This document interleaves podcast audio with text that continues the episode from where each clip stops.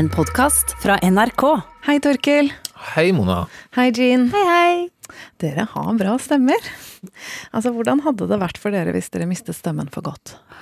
Å, jeg tror noen ville blitt glad, men jeg hadde nok blitt veldig lei meg. Hvem skulle blitt eh, glad for det? Det er folk som kanskje tenker at jeg prater for masse til tider. Oh, ok, ok. Har mista stemmen en gang på det mest kritiske eh, tidspunktet jeg kunne ha gjort det. Altså, Vi er på scenen i Norway Cup i 1991, og jeg er da uten foreldre for første gang sånn over en ukes tid, sikkert. Og på tivoliet der på Ekebergsletta så skal jeg liksom framføre Bombadilla Life med Franklin. Hæ? Foran, jeg, jeg, jeg, jeg vil kalle det et tettpakka tivoli, som står og roper etter den stakkars nervøse 10-11-åringen der. Mister stemmen. Får ikke fram et fnugg av Bom Bom Bom Bom Bombadilla Life. Eh, og da, men allikevel, pga. sympati, vinner den lille uoffisielle sangkonkurransen. Oi. mot dem som synger MC Hammer, Can't Touch This, og hun som rapper Bart Simpson, Do the Bart. Nei. Ja. For en raushet. Ja, det var, det var veldig, veldig raust. så Jeg fikk mye, mye sånn solo-merch eh, i premie. Men da, da må det ha vært ekstremt sjarmerende oppå scenen der. Ja, jeg tror alle syns synd på meg. Nei, det, det, du var sikkert helt knallsjarmerende. Men det er jo altså dette spør jeg om fordi det er det som har skjedd med den store tidligere filmstjerna Val Kilmer. Han mistet stemmen fordi han fikk strupekreft. Han har da ikke lenger en stemme som han kan bruke som skuespiller. Men til gjengjeld så har han skrevet en veldig underholdende og fin selvbiografi om seg og Hollywood som jeg gleder meg til å fortelle dere om i dag. Eh, Dette her er sånn stemmen hans var, forresten. Is everybody in? Is everybody in? The ceremony is about to begin.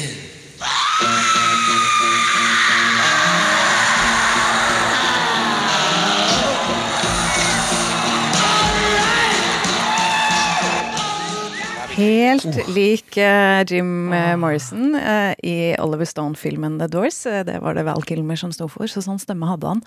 Måtte i terapi for å komme ut av den rollen der.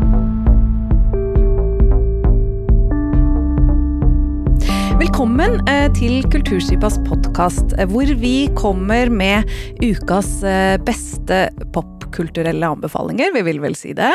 Eh, Vi er jo til hverdags et radioprogram med gjester og livemusikk på P2, men her, altså Jean Kristin Sena, kulturjournalist, Torkil, TV- og filmekspert, jeg heter Mona B. Riise, entusiast. Torkil, eh, det er sånn at eh, kinoene er sånn åpne på en måte igjen. Ja, altså, de er åpne. Nå er de Ja. åpne. Det går an å sette seg i et kinosete igjen. Og for en opplevelse det var for første gang for meg da, å kunne gjøre det igjen, som skjedde uka her. Og uh, for en film, altså. 13 måneder. Og det er den jeg har lyst til å overtale noen til å stikke og se, da. Ja. For det er en film som gir deg spenning, varme og utenkelige grusomheter. Um, 13 måneder høres kanskje ut som eh, et et svangerskap. Eh, det er nesten like lenge som en sjiraff går svanger. Er jeg, skulle til jeg skulle til å foreslå elefant, men jeg vet ikke Nei, de er litt lenger. Er Like lenge som delfinene går 13 måneder. Men det her er mye mer eh, grusomt enn som så. Det er, en, det er en film basert på en dansk bok som heter 'Ser du månen, Daniel?' av Puk Damsgaard. Det handler om Daniel eh, Rye, et, eh, kanskje for noen et kjent navn. Eh, ikke google det hvis du ikke vet hvem det er. Eh, han, eh, ja, han er egentlig lite turner, bor et lite sted i Danmark, men eh, ødelegger foten sin og, da, og kan da ikke turne så mye. Eh, så han han tar opp fotografering og, og ja, blir litt sånn frilansfotograf. Drar til Syria, som er en risk, selvfølgelig. Og der eh, skal han knipse da hvordan liksom barn eh, og, og de som bor i, i som er helt sivile, bor i ruinene av krig. Begynner da, og, og vi følger da Daniel eh, dit, og så eh, mens han står der og knipser, så stopper det en eh, bil, det kommer ut noen sinte menn, og, og så er egentlig Marit et faktum. Han blir kidnappa. Um, og, og, og i filmen så, så følger vi da liksom hans eh, liv i fangenskap. Eh, men vi, vi følger jo også familiens stravaser for å ja, altså, fordi de får jo fremsatt et krav om løsepenger, da. Og den danske stat de er jo beinhard på det der, sånn som USA er også veldig kjent for. Forhandler ikke med terrorister.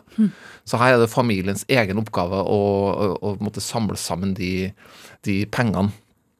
Og så er det jo ganske spennende å se bare samholdet på cella der, fordi han møter jo Det sitter jo noen franskmenn der, det sitter eh, en polakk der, og så kommer det også en ganske kjent person inn i cella som, som alle har hørt om, som sitter i der eh, grusomme fengselet i Raqqa i Syria.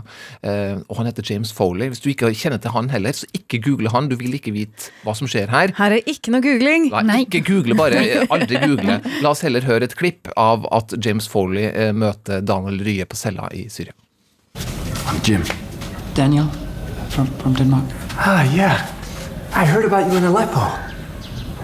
Yeah, good. Would anyone like a game of chess? I, uh, not very good, so you'd probably win. But I like to play. And I, I made a chessboard.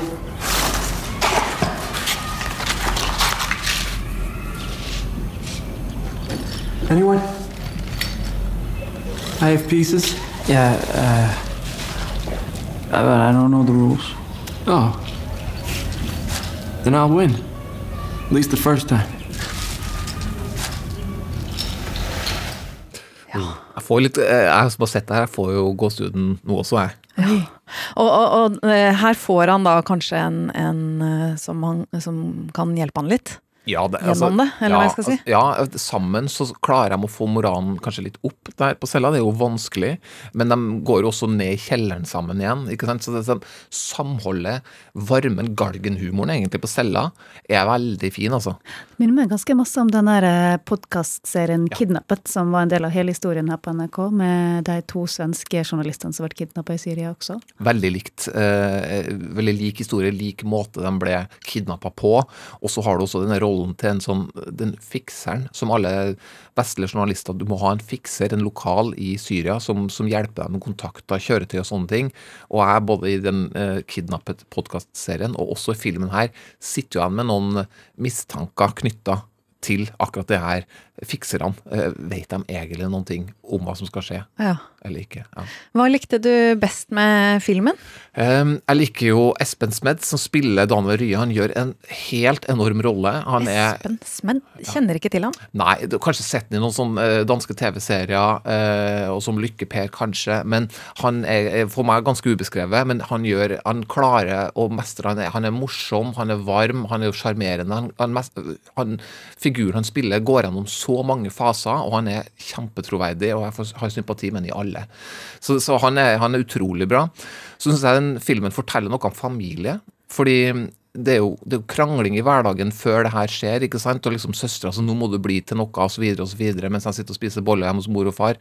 Men med en gang det står på, så står de sammen, og hun søstera er den som går lengst. og det blir sånn, Jeg blir, glad for å se den kjærligheten i, i virkelig eh, handling. da. Eh, og det er en scene der også hvor mor eh, hun tigger penger eh, tigger, nå mener jeg tigger, Hun spør en veldig fjern bekjent om å hjelpe til med noe penger. ikke sant?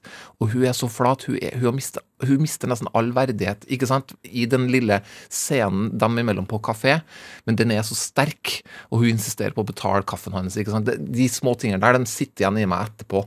Um, og så syns jeg jo bare det klassiske politiske dilemmaet er ganske interessant. Hva, det er jo kanskje lurt, kanskje lurt på lang sikt å ha en sånn policy at du ikke eh, forhandler med terrorister, men på kort sikt er det jo grusomt. Det Ja, og det, hvor langt er man villig til å liksom strekke seg for å ikke hente hjem igjen? Ja, ikke sant? Og som søstera sier, altså, hvis at, uh, broren min hadde blitt tatt med to kilo kokain i Bangkok, så hadde det ikke vært null, noe problem å få den. Han, nå har han bare tatt noen bilder, eh, og da får vi den ikke tilbake. Så, ja, så er det jo ren filmspenning. Hva, hva skjer her med Daniel? Og da må man ikke google. Ikke google det, for all del. Eh, 13 måneder har da eh, norgespremiere på kino i dag, fredag. Eh, du kan da sjekke dine lokale forestillinger, men man kan jo også leie den på danske nettsteder. Selv om selvfølgelig det er gøy med kinosal, så er det ikke alle som er klar for det ennå. Eh, og da kan man gjøre det på dansk iTunes og via Play. Og da heter filmen Ser du månen, Daniel? For en fin tittel. Ja, det er en fin tittel. Ok, jeg vet hva jeg skal gjøre, men det er en dokumentar på NRK som man ikke kan gå glipp av også. Hitsville, historien om Motown Gin. Ja, altså, hva, hva følelser får dere når dere hører ordet Motown, navnet. Det er, jeg tenker jo på at Bruce Willis har gitt ut to plater på Motown. Er jeg vet at det, det, det er ikke det du er ute etter nå. Du vil at jeg skal liksom si uh, Eiley Brothers eh, eller eh, Sam Cooke.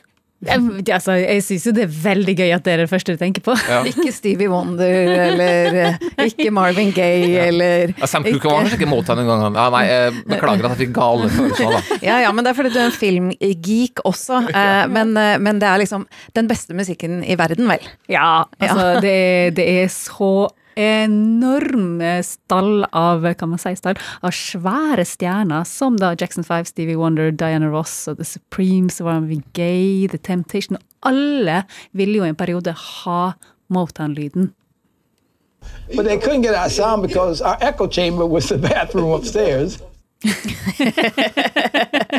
Ekkokammeret var eh, doen oppe, liksom. Ja, fordi det, den tar jo da, denne dokumentaren Hitspill, historien om Motown, eh, den tar for seg historien om hvordan Motown ble bygd opp, eh, som tittelen tilsier. Eh, Og det er etter min mening da, en skikkelig sånn feel good-dokumentar. Jeg satt bare og gliste gjennom store deler av dokumentaren.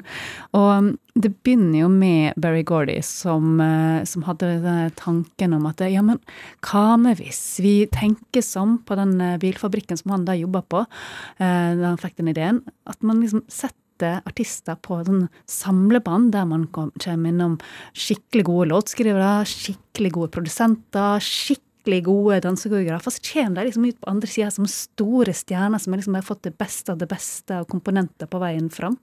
Men det, det høres ut som man skal liksom framstille god musikk på et laboratorium. Det er så rart at det fungerer i virkeligheten også. Altså, at, det, at det ble magi ut av det. For det høres så kynisk og kalkulert ut. Ja, men de hadde den doen. Eh, Nei. Jo, men ja, det høres kjempekynisk kalkulert ut, men det virker jo ut ifra den dokumentaren hvert som det ble et veldig dynamisk, levende eh, arbeidsmiljø med veldig masse sånn overraskende samarbeid og veldig masse indre konkurranse som førte til hits etter hits etter hits, fordi de drev og liksom kjempa om å lage hiten over den andre hiten Ja, mot hverandre. Bedre og bedre. Og det var jo veldig gode musikere eh, i bånn, og så lagde de et system som jo også gjorde at musikken nådde eh, et hvitt publikum.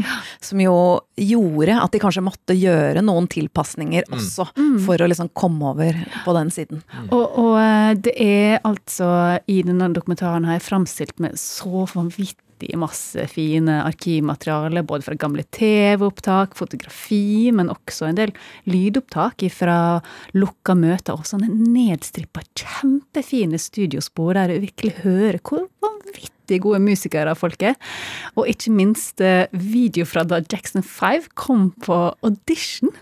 Oi. Det er så veldig gøy! spesielt. Og så I tillegg så er det selvfølgelig sånne eh, gode, gammeldagse eh, hva vil jeg si, ho- eh, intervju der de bare sitter på en stol eh, eh, med Berry Gordy og et lass med kjente musikere og komponister som Smokey Robinson, Stevie Wonder, Norman Whitfield, Martha Reeves, Dr. Dre, Little Richard og mange, mange flere.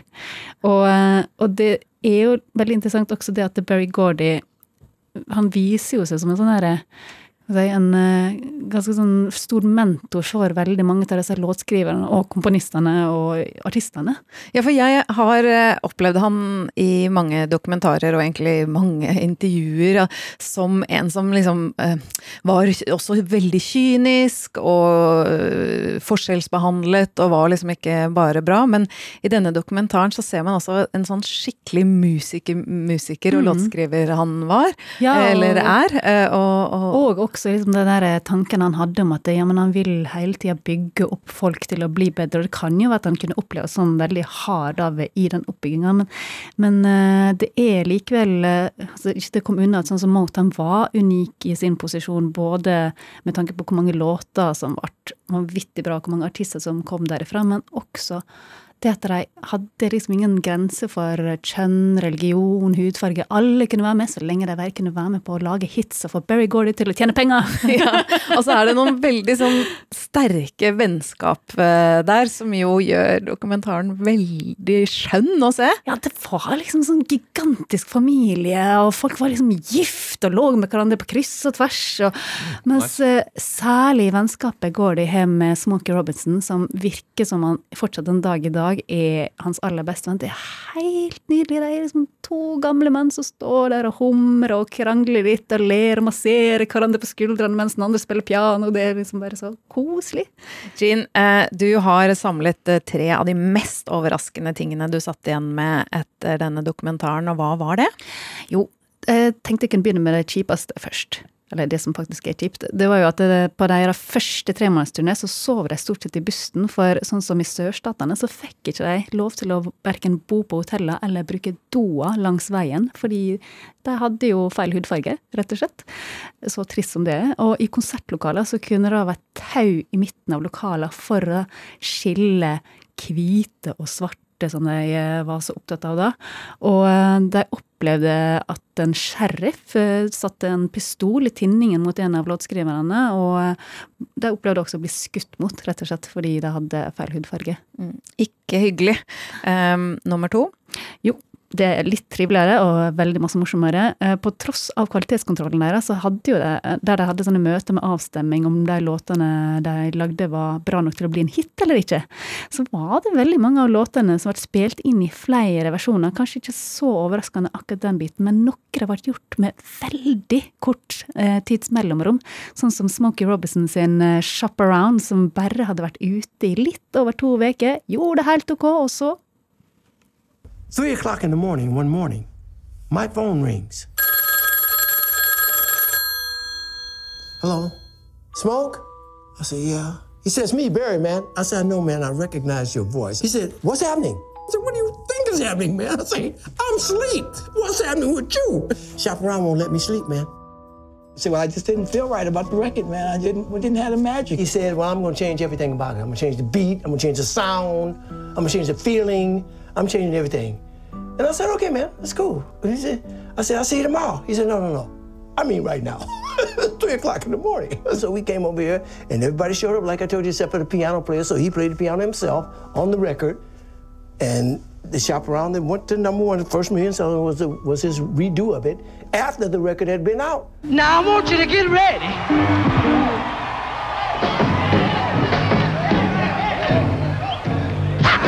Just because you've become a young man, it's different things that you don't understand. Before you ask some girl for a hand now, freedom for as long as you can. My mama told me you better shop around. Oh yeah, you better shop around.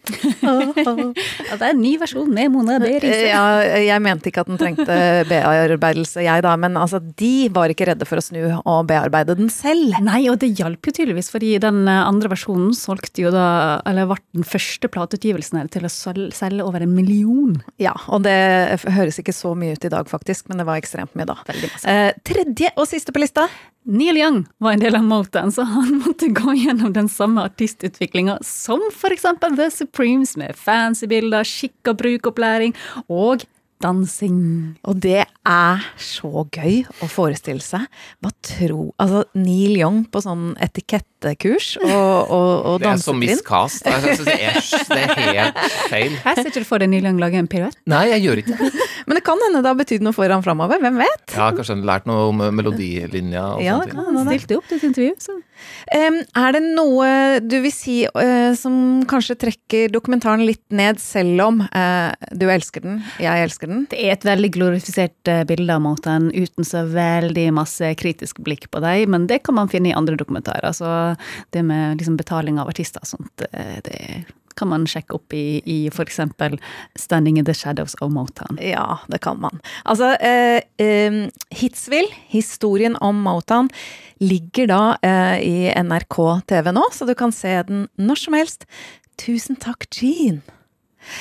Det kom jo da veldig overraskende på meg, egentlig, men jeg har kost meg så veldig med selvbiografien til Val Kilmer. I'm Your Huckleberry eh, heter den, og jeg har da hørt den på lydbok eh, på Audible mens jeg har malt eh, mitt kontor denne uka i en terrakottafarge som jeg valgte meg.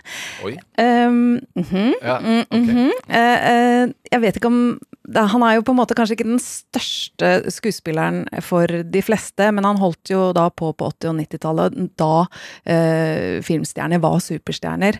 Val, Val Kilmer var med i Top Gun, eh, var jo på en måte Tom Cruise i Nemesis. Han har vært Batman, han har vært med i Heat med Al Pacino og Robert De Niro. Han var Elvis i True Romance. Altså, det er ikke så lett å se, for man ser ikke ansiktet hans. Og så var han med i Dwarves, for eksempel. Og så har han blitt sett på som litt spesiell, Torkel. Altså litt sånn mystisk av rang. Han, eh, ja, folk som har jobba med den, sier jo at hvis jeg skulle regissere selvbiografien til Val Kilmer, så hadde ikke jeg villet hatt med Val Kilmer. Det sier noe om hvor vanskelig han var på sitt verste. da. Ja, men han, eh, det skjønner jeg eh, gjennom denne selvbiografien, at han er en kunstnersjel. Han har, eh, kommer fra teatret. Han er eh, opptatt av å lese Baudelaire og Beckett og sånn, og det var kanskje litt vanskelig for han å tilpasse seg Hollywood sine regler. Det passet han kanskje ikke så godt. På et tidspunkt så trakk han seg da også tilbake og flytta på en stor farm og et naturreservat i New Mexico.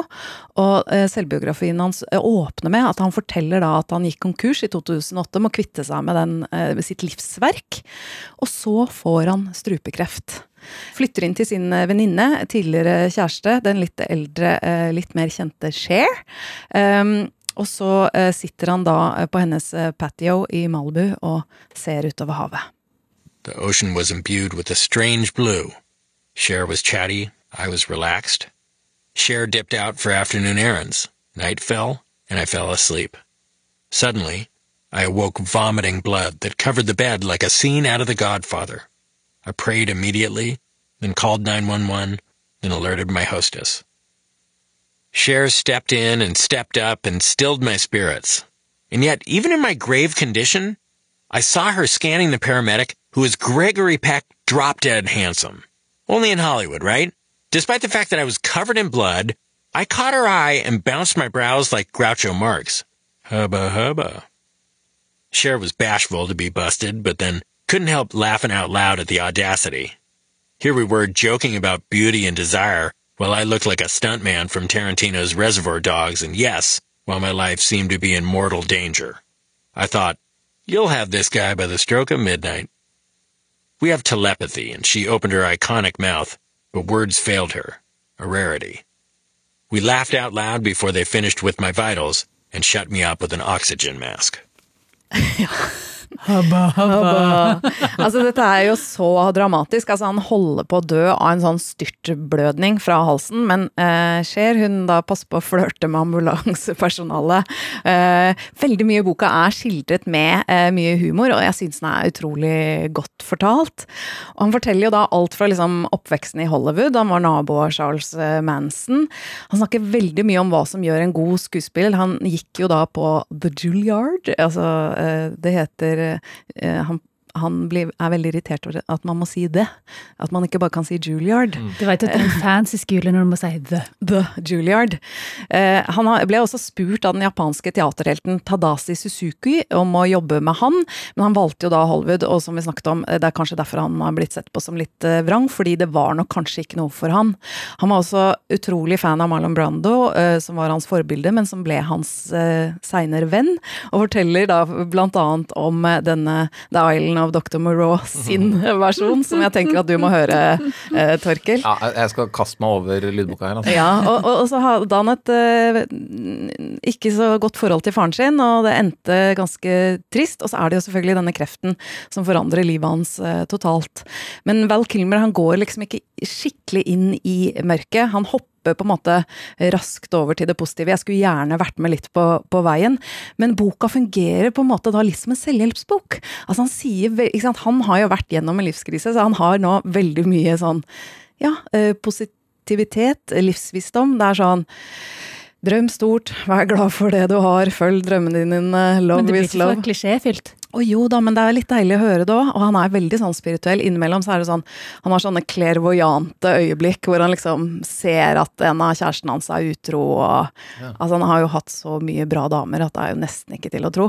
Men, men eh, så, så liksom der hopper jo jeg litt av. Han er liksom eh, eh, Men man kan jo le litt av det òg, fordi han er jo veldig spesiell. Og så er han mye i New Mexico, og jeg elsker New Mexico, og jeg tror det er derfor jeg har malt det rommet i terrakottarosa, fordi at jeg Jeg drømmer litt om å bo i New Mexico, ja, så nå har jeg liksom vært der litt. Grann, Ja, på hva en kom måte. først, boka eller fargen? Eh, eh, eh, hos, hos meg. Nei, eh, New Mexico kom først, og så kom fargen, og så kom tilfeldigvis boka. Så dette er som en, en symbiose, som bare en høyere enhet. Det var It was meant to be.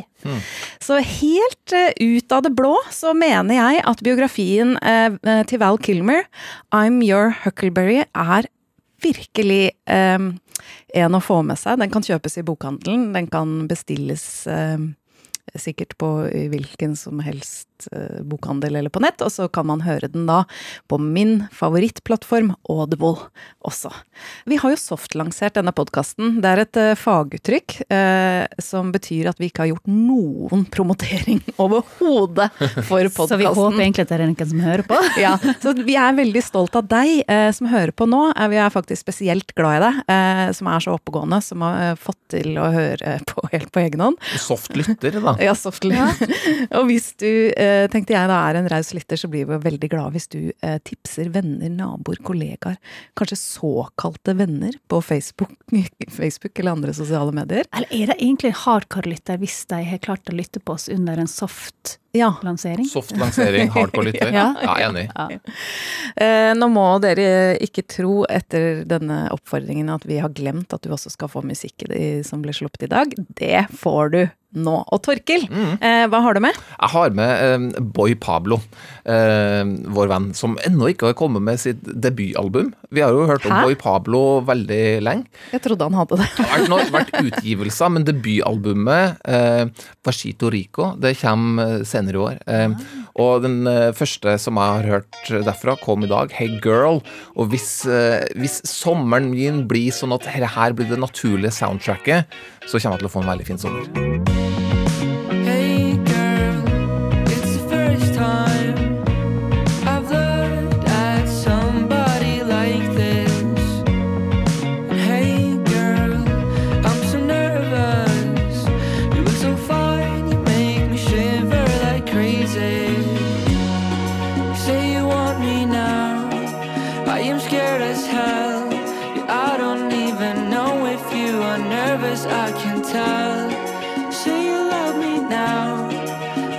Scared as hell. I've never been in love before, I don't know what to do. Hey girl, do you like me? I guess that's a stupid ass question. I'm asking, cause I'm nervous. Det var lyden av Torkels sommer. Forhåpentlig. ja, Hei, jeg håper det blir min nå. Boy Pablo, hey girl. Hey Bo Pablo. Ja, det var Ikke mye regnvær å finne i den lyden der. Nei. Å nei. Jean, hva har du med? Jo, jeg har med meg Amazon, en eh, svensk eh, supergruppe som ikke liker å bli kalt supergruppe. Eh, Med mellom annet Gustav Eises fra Dungen og Pontus Windberg bedre kjent som Avant fra låtskriverduoen Bloodshow Avant, som mellom annet skrev Britney Spears fabelaktig hit Toxic. Å, fysj. Nei da, jeg mente ikke sånn, men eh, det, Jeg skjønte at det var positivt ment. Ja, men tenk deg det å både lage toxic Eller sånn, og så jobbe med Dungen, er ikke det veldig sånn det? Det er to, to forskjellige menn. Ja da, men altså, de jobber sammen, er ikke det veldig spesielt? ja, de jobber sammen i Ja. Amazon. Eh, og de har jo da gitt ut i dag en uh, singel som heter Yvonne, som gir meg liksom assosiasjoner både til sommer, men også det her skiftet 70- og 80-tallet, og den uh, litt artige franske animasjonsfilmen for eh, serien for barn Sjagma 'Reisen til jordens indre' fra 80-tallet, på en veldig god måte.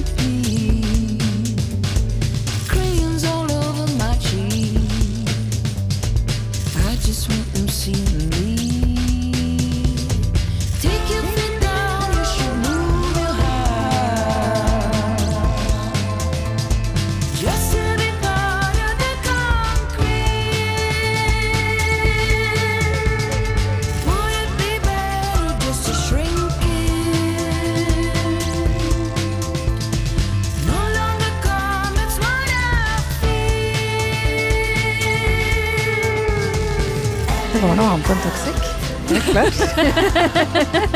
På den gode måten. Ja, Yvonne med Amazon. Og jeg er ikke et vondt ord om toxic. Det høres ut som jeg nå liksom hele tiden sier at toxic var dårlig. Jeg elsker toxic, men dette var også veldig fint. Ja, du ble helt stille. Ja. Jeg tror bare Gene Senna tok seg en dusj i, i måtte skryten du ga den låta. Ja, Ja, jeg, jeg tenkte det, Ja, det var veldig fint. Så fint at du syntes det var fint. Ja. eh, jeg har tatt med det jeg opplever som det absolutt tøffeste av disse tre. eh, bare fordi at jeg trenger å tøffe meg opp. Altså, eh, Barcelonas fineste Rosalia, nei, Rosalia, mener jeg, er ute med ny låt med Travis Scott. Hun kom jo fra flamenco. Jeg visste ikke at flamenco egentlig var noe for meg, men det har jeg skjønt veldig gjennom henne. Eh, og det er jo på en måte rytmene hennes som gjør at jeg blir helt hekta. Eh, og eh, selv om denne da ikke er eh, flamenco, den er mer sånn reggaeton, så er det liksom hennes rytmefølelse som gjør at jeg blir helt hekta. Og Altså, man- her sitter jo du i knallfarger med mjukt ja, stoff og jeg tenker vet, jeg Og du visste jo ikke at flamenco var noe for det. Nei, ja. Men, men hun er jo alltid alt- mixed signals. Eh, mixed signals. Ja, hun er jo alltid sånn litt sånn mafiaboss, så også her. Det handler om å ikke fuck med folk man ikke kjenner, altså noe sånt. ja. Men det er alltid liksom noen sånn mafiaregler, så man kan både føle seg tøff og danse seg gjennom helga.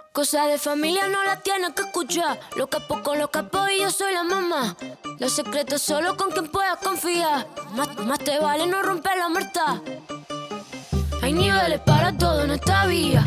No jodemos con personas desconocidas. Ni un amigo nuevo, ni una haría. Ni un amigo nuevo, ni una haría. Ni un amigo nuevo, ni una haría. Ni un amigo nuevo, ni una haría. Some en la cara, Gaspar Noé. Tono dispara, la vacía.